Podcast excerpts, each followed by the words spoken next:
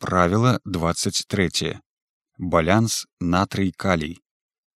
Важным правілам харчавання з'яўляецца захаванне правільных суадносінаў натрыю і калію ў прадуктах харчавання. Яно вызначае вельмі многія паказнікі ад агульнага тонусу да здароўя касцей і што важней за ўсё артэрыяльнага ціску.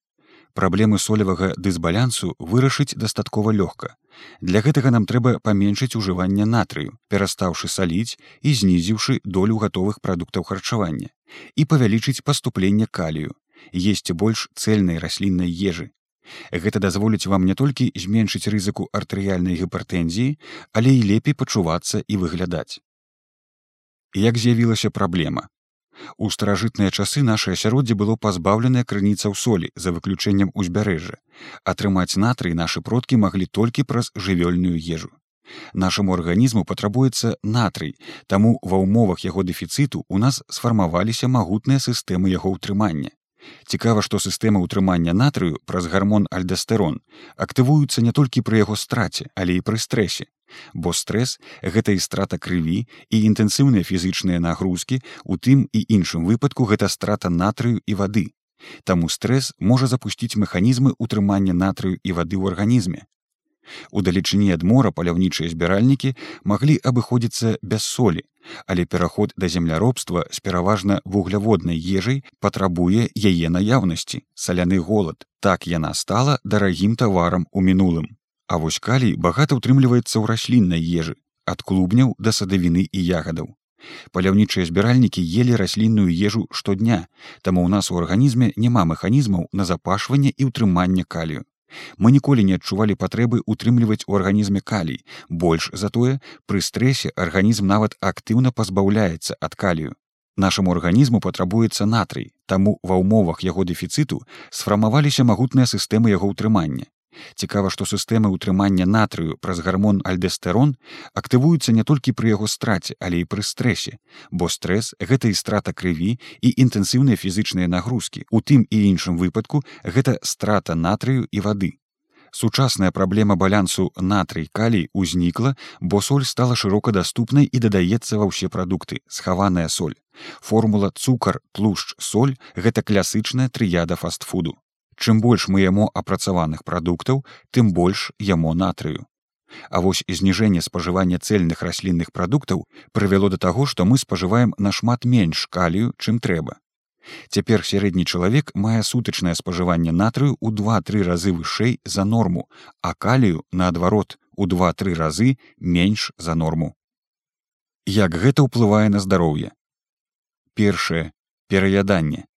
Соль заўважна стымулюе дафамінавую сістэму мозгу, таму выклікае пераяданне. Салёных прадуктаў мы з'ядаем больш, А вось на жывёльных мадэлях лішак солі ў дыеце прыводзіў да ангеданіі, зніжэння здольнасці атрымліваць задавальненне, а поўнае выключэнне да дэпрэсіі. Для нашага арганізму соль гэта чыннік выжывання. Каманда еш яе колькі ўлезе і запасай на будучыню. У нашым арганізме ёсць спецыяльная сістэма ўтрымання і запасання натрыю. Цікава, што бацькі, якія злоўжываюць соллю, могуць перадаць гэтую цягу дзецям праз эпігенетычныя механізмы. Другое водны балянс. Калій і натрый аказваюць супрацьлеглае дзеянне на водны балянс.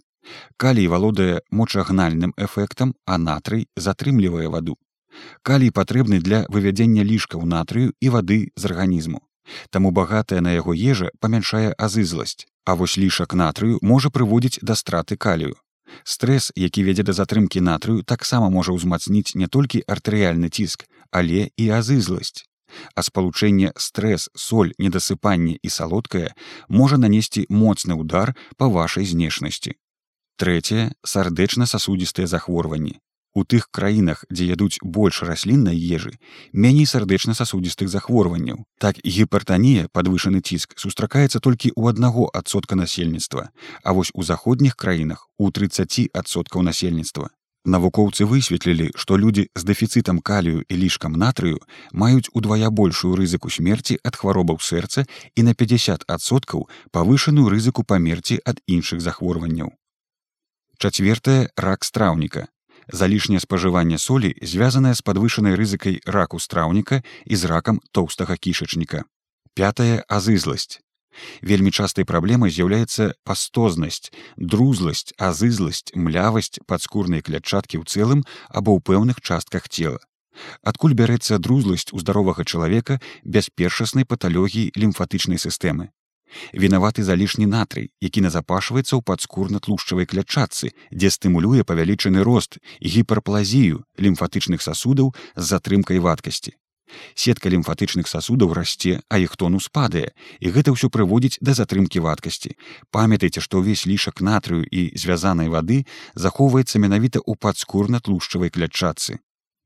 Залішні натрый назапашваецца ў падскурна-тлушчавай клячацы, дзе стымулюе павялічаны рост гіперплазію лімфатычных сасудаў з затрымкай вадкасці. Сетка лімфатычных сасудаў расце, а іх тонус падае, і гэта ўсё прыводзіць да затрымкі вадкасці. Шостае імунітэт. Натрый стымулюе імунітэт, што павялічвае рызыку аўтаімунных захворванняў. Больш высокая канцэнтрацыя натрыю з'яўляецца актыватарам імуннай сістэмы. Соль стымулюе актыўнасць імуннай сістэмы на ўсіх узроўнях ад дыферэнцыявання Т лімфацытаў да актыўнасці мікрафагаў. А вось дэфіцыт натрыю можа аслабіць імунную сістэму. Навукова даведзена, што лішак солі павялічвае рызыку захварэць на рассеяны склероз. Павелічэнне колькасці алергій звязанае з тым, што высокасолевая дыета парушае імунны адказ сёмае соль і метабалізм. Лішак натрыю зніжае адчувальнасць да інсуліну і павялічвае рызыку атлусцення. Нават зусім здаровыя маладыя людзі якія ўжываюць вялікую колькасць натрыю могуць выяўляць пагаршэнне свайго здароўя. А людзей з атлусценнем і тых хто ўжывае вялікую колькасць натрыю гэта вядзе да паскарэння працэсу старэння. Восьмае. Іншыя праблемы Лішак натрыю павялічвае рызыку захворванняў нырак, астэапарозу, катаракты, пагаршае кішачную мікрафлору. Дастатковая колькасць калію запавольвае і перадухіляе ўтварэнне камянёў у нырках і жоўцевым пухіры. Асноўныя прынцыпы. Неабходна захоўваць правільныя суадносіны натрыю і калію ў прадуктах харчавання адзін к тром адзін к чатыром.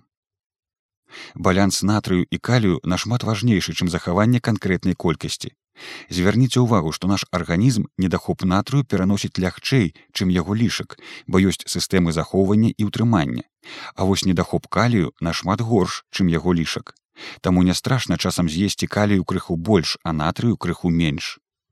Звычайная соль, якой мы падсольваем ежу, гэта ўсяго толькі вяршыня айсберга.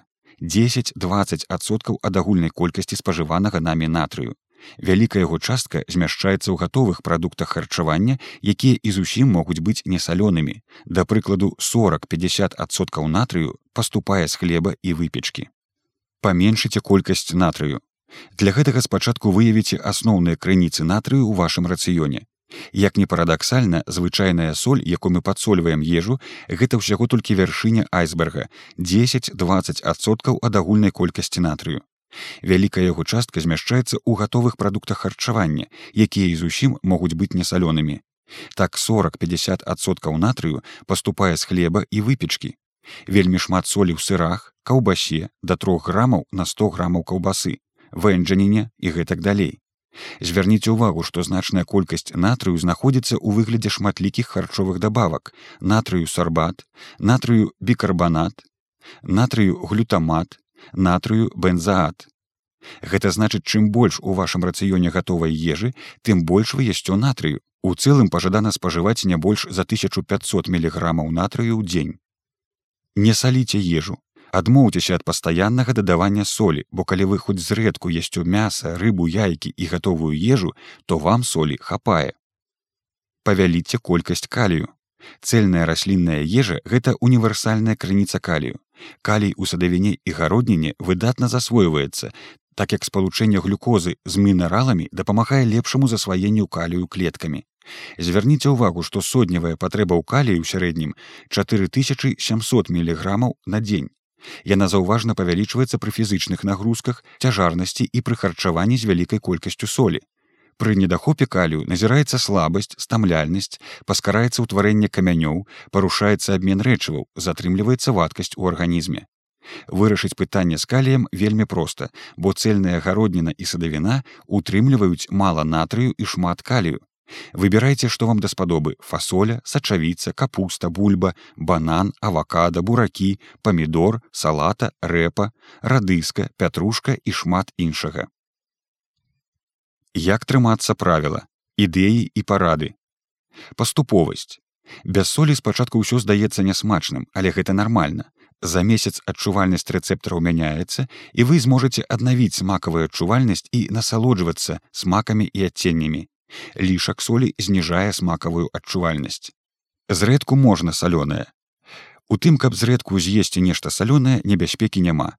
Рэдкае ўжыванне нават вельмі салёных страў не нашкодзіць, арганізм эфектыўна дасць рады з гэтым.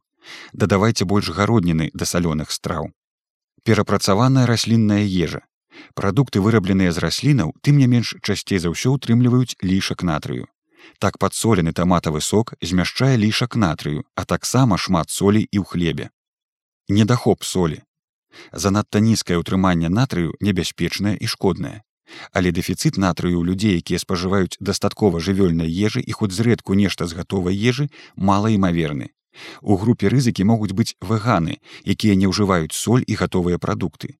Людзі, якія жывуць у гарачым клімаце, занятыя цяжкай фізычнай працай, пасля дыярэі і да таго падобнае. Салодкая і крухмалістая і азызласць.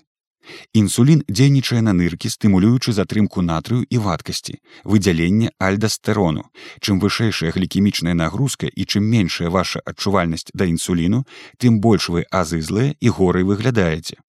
Стрэс. Стрэс узмацняе цягу да салёнага і сам правакуе затрымку вадкасці і натрыю. Пры стрэсе пазбягайце салёнага і салодкага, спіце дастатковую колькасць часу. Рэляксацыя палепшыць ваш стан і знізіць азызласць. Пры хранічным стрэсе і паслабленні функцыі наднырачнікаў можа ўзнікнуць дэфіцыт натрыю, бо арганізму яго складаней утрымліваць. Стомленасць. Дэфіцыт калію і магнію часта праяўляецца ў выглядзе пастаяннай стомленасці. Папаўненне іх узроўняў дапамагае палепшыць тонус цягліцаў і трываласць.